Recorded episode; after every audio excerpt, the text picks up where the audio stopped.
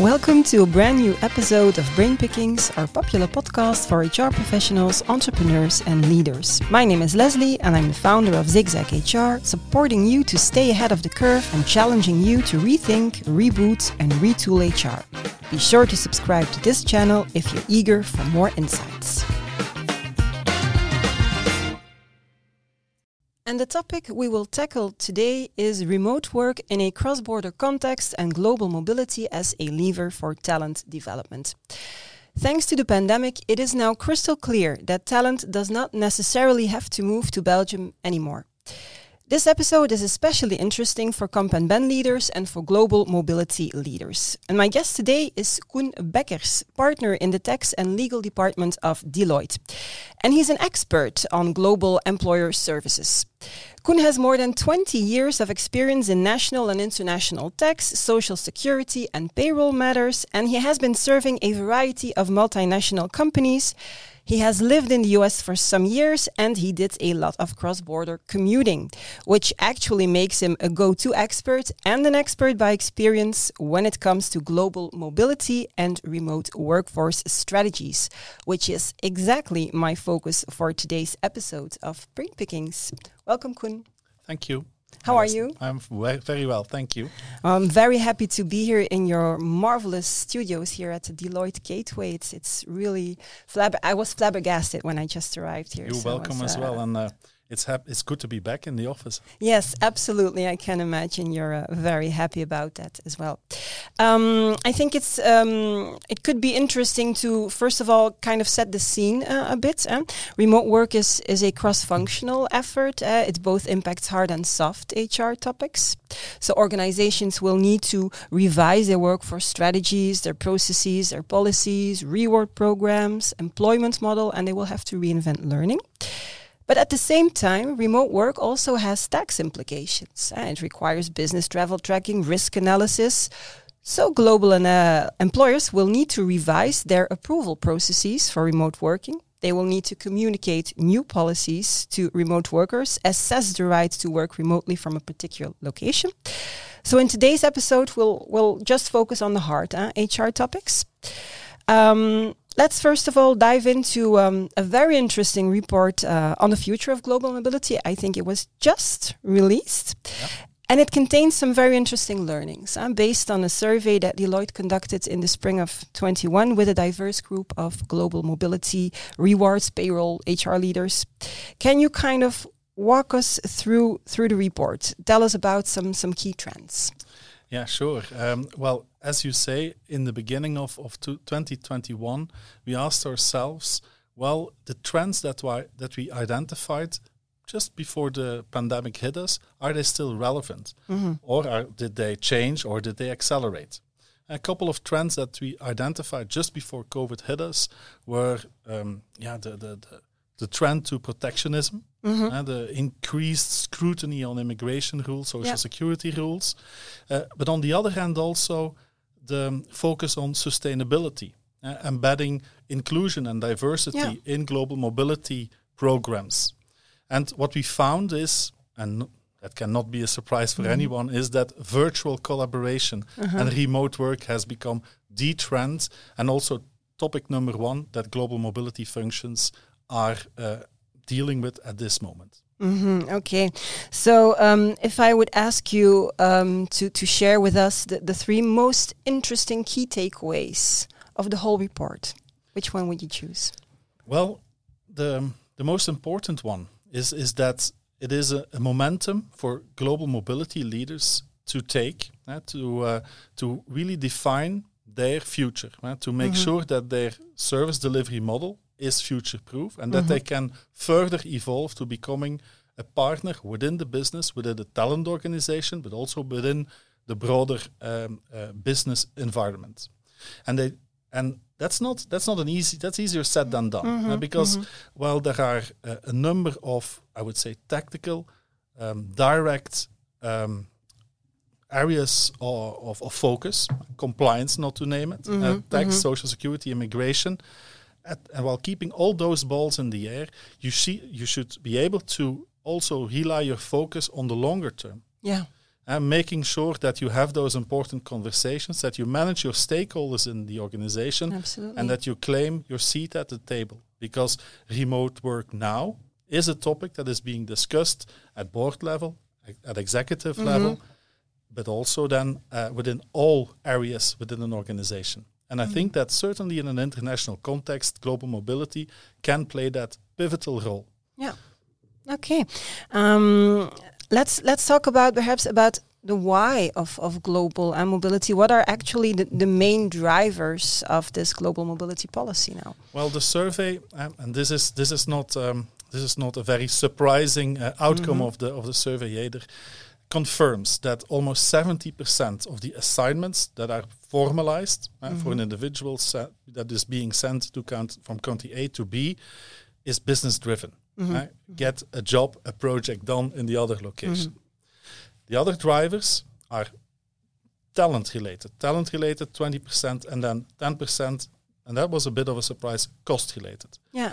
Now, if you drill down on those talent um, um, levers and talent um, uh, challenges, their succession planning is an important one, but also talent development is, a, is another um, yeah, objective for sending somebody uh, abroad. Okay. Um, now, as a result of the pandemic, it, 2.7 billion people, which is actually more than four out of five workers in the global workforce. It's, it's incredible. Um, they have been affected by lockdowns and stay home, uh, stay at home measures. Now, business and government leaders they had to respond to this crisis very quickly and rethink their workforce strategies well in real time. Now, what I find striking is that according to the survey, very few respondents seem to have a remote worker strategy in place and they don't have a robust system to gather data, which of course you need if you want to manage compliance, uh, safety, and, and well being, and if you want to deploy a long term vision. How can you explain this? What are the biggest hurdles here? Well, I believe that the, the topic of business travelers and displaced workers and uh, flexibility driven mobility was already on the agenda of a lot of professionals. Now, the exponential growth of the the importance of the topic now, of course, changes and alters the balance of the business case. Because before the pandemic, this was something that had to be done. But Yeah. if you're going to make a business case and convince business leaders that this is an important topic, well, of course, uh, there's no direct revenues linked to it. On the contrary, this is this has a significant cost, Yeah. and uh, now it's clear that the importance of the topic is, has, has become so um, uh, important that the, the business case is altering. That's one, so cost and the business reality. And the second one is that this is a topic that um, uh, involves so many stakeholders and organizations. And it's not always easy to determine uh, who takes on the responsibility Yeah. of the, the, the hard consequences of remote work in an international context. Now, um, you always have the, the trailblazers and the companies that are just one uh, step ahead. What, what are they? What are they doing differently? What can other companies learn from them? those conversations that have been able to go back to the why yeah, and uh, and embrace the importance of the topic and elevate the conversation and are part of the conversation at the highest levels within an organizations i believe have really taken advantage. Have, have taken a few steps ahead of, of uh, the curve. And because they uh, they can always find fall back to a number of, of, of principles. And that's one. And then secondly i think that the this topic is still evolving day from day to day. Yeah. so rather than stipulating policies and already fixing everything in rules and set of sets of rules i think that um, acknowledging that this is a topic that we are learning to cope with is an important one uh, important one as well that this is an iterative process so Yeah. to say Okay. Now, what what will the the next generation of global mobility look like then? Well, hopefully, um, uh, our global mobility leaders will will evolve, uh, further evolve. Uh, I see many of those organizations have have dramatically shifted, uh, have become from um, tactical um, support organization to really enabling Yeah. uh, organizations, and now um, are evolving towards the the more strategic level of advisory and enabling function within the broader organizations. Okay. Um, now, I think you just kind of um, talked about it a little bit. Remote work is a cross functional effort, so lots of stakeholders actually are involved. What about governance? Uh, who, owns remote work? You, you kind of touched on it, but maybe you, you wish to elaborate a bit more? Well, I, it's my personal belief yeah. that, that global mobility leaders can take up a, a pivotal role mm -hmm. uh, in really making. Can or should? for me should. Okay.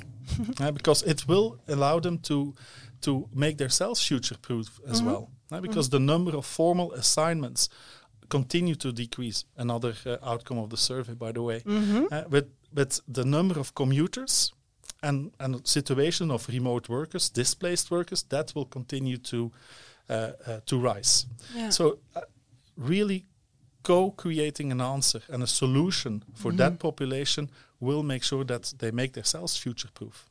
Okay. So I, I would uh, recommend to yeah to uh, to gather a co coalition of the willing yeah. to elevate the conversation, take it up with uh, VPHR and EXCO yeah. level, and by the way, a lot of global mobility leaders have already been doing this. Doing that, so that's that's a good news. Um, I would like to elaborate also a bit on the remote workforce strategies beyond uh, COVID nineteen. So the first priority was actually a crisis response, emphasizing health, safety, essential services, virtualization of work. But after the phase of of dealing with the present and managing continuity, leaders also need to shift from this crisis mode to to to a recovery. Eh? Um, so the transition to a new reality, of course, I think it will be kind of not static. I, I can imagine. So, what do companies, according to you, have to do if they want to thrive in, in, in all this aftermath of, of the pandemic? What what does this new blueprint look like? Is is there a blueprint anyway? well, for me, the there will not be no. At this moment, there's no. not yet a blueprint, yeah. and if uh there's a blueprint, not sure whether it will be fit for purpose. Yeah. Mm-hmm. I think it's more important to start the conversations again yeah. uh, internally to really define your point of view uh, uh-huh. within the within the company, and then um, gather the right people around the table and make sure that that point of view evolves to continue to, to make sure it continues to be fit for uh, for purpose. Okay. In order to make a blueprint, or maybe there will never actually be a blueprint. Well, I believe that there will be more insights. Uh, uh-huh, there will be yeah. more. Yeah, we will learn. We will learn. Huh? We yeah. will learn. That's mm-hmm. the the point of yeah. the iterative mm-hmm. process, indeed. But the a one sit, one size fits all solution, I doubt that that will be. Uh, uh, here between us on the table yeah. uh, in the in the months to come. Okay, and maybe even in the years to come. Mm. Who knows what will happen yeah. in the upcoming months? Um, now, in another very interesting uh, white paper, because I, I really read a lot to prepare for this talk. Uh, another white paper was workforce workforce strategies for post COVID nineteen recovery. There, I found that um, the workforce related strategies in this recovery phase that they are best orchestrated through kind of five critical actions was reflect, recommit, re-engage, rethink, and reboot. And these actions actually can help organizations bridge from this crisis response to a what everybody calls a new normal. Could you tell us a bit about those five phases or just elaborate on, on that topic? Yeah, we'll not bore you with a, a, a detailed explanation of the five steps, but we'll, we'll elaborate a bit. Huh? Mm -hmm. So I believe that that we can learn a lot from how we responded in the first months. Mm -hmm. The resilience that we all showed. Uh, there's some learnings from that. Huh? There yeah. are some things that we learned very fast that we want to keep. Yeah. But maybe in our response, we missed some things. Mm -hmm. And we need to articulate those. That's the reflect phase. Yeah. yeah. And secondly, what is very important is that we recommit to our people and that we mm-hmm. recommit as that that we care about their well-being. Look at the also the reward angle there, mm-hmm. uh, making sure that that that we are still fit for purpose there as well, and then start to rethink and yeah. reboot, uh, create what how should um, what is our vision for the future. Uh, and then also look at the service delivery model. Is our own HR talent organization mm-hmm still um, up for for the challenges ahead of us.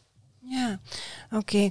Now the the biggest challenge undoubtedly for many HR and business leaders will be to to balance the short term getting back to work to the offices, with the long term rethinking work, as, as you just said, at the same time. can you guide us, if you can? Where do we start? Start with the why. Start. Okay. Yeah. It's it it sounds so simple, but is it? It should be.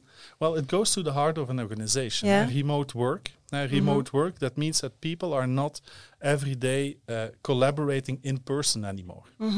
And an organization, many organization at least, is is really defined by how people work together. Yeah. And if that is changing dramatically, I think that that it's worthwhile having a good conversation with all stakeholders around the table as to how do we make sure that our culture, our DNA, Yeah. is will be pertaining throughout and beyond, and so that we will continue to thrive. Yeah.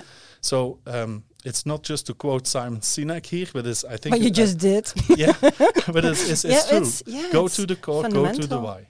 yeah. It's That's uh, that's uh, I believe the the Yeah. where to start. where to start.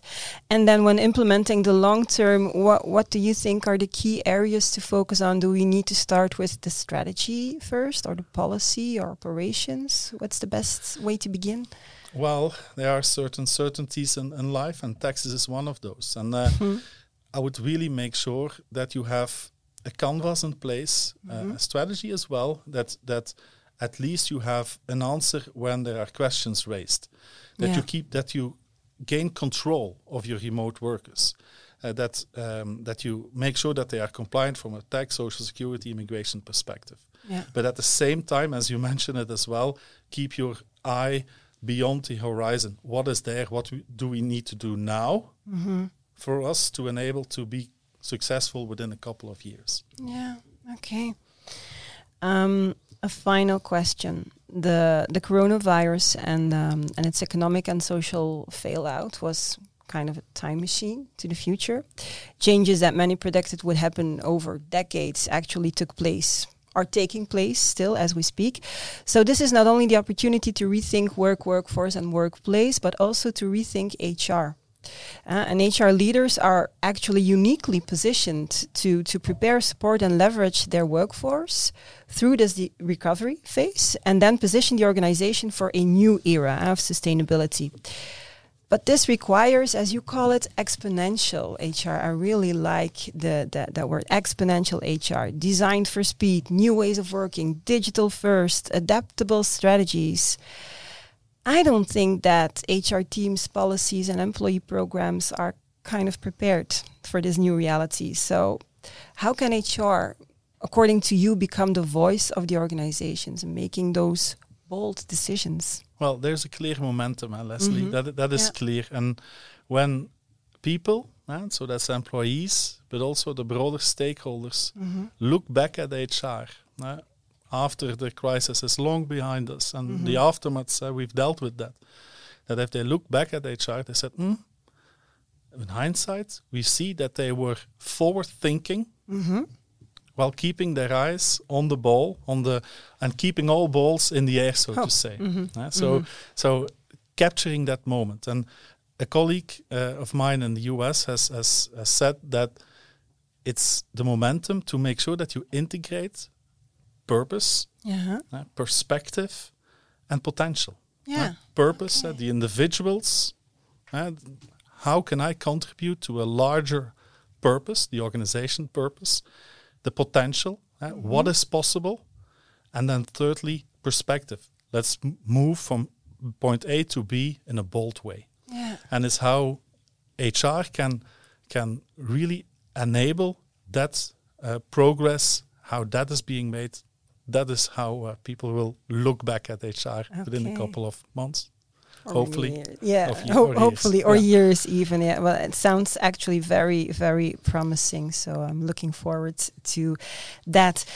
That was actually my final question. So um, I would like to thank you very much for this um, inspiring conversation. With pleasure. I hope you enjoyed it as much as I did.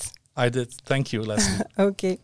Um, thank you for uh, listening or for watching. This was yet another episode of our uh, Brain Pickings podcast. If you're eager to stay ahead of the curve and help your organization pivot towards a very exciting future, be sure to tune in again to other interesting podcast episodes on this channel. I'll talk to you soon. And most importantly, don't forget it, it's a great time to be in HR, as we just said.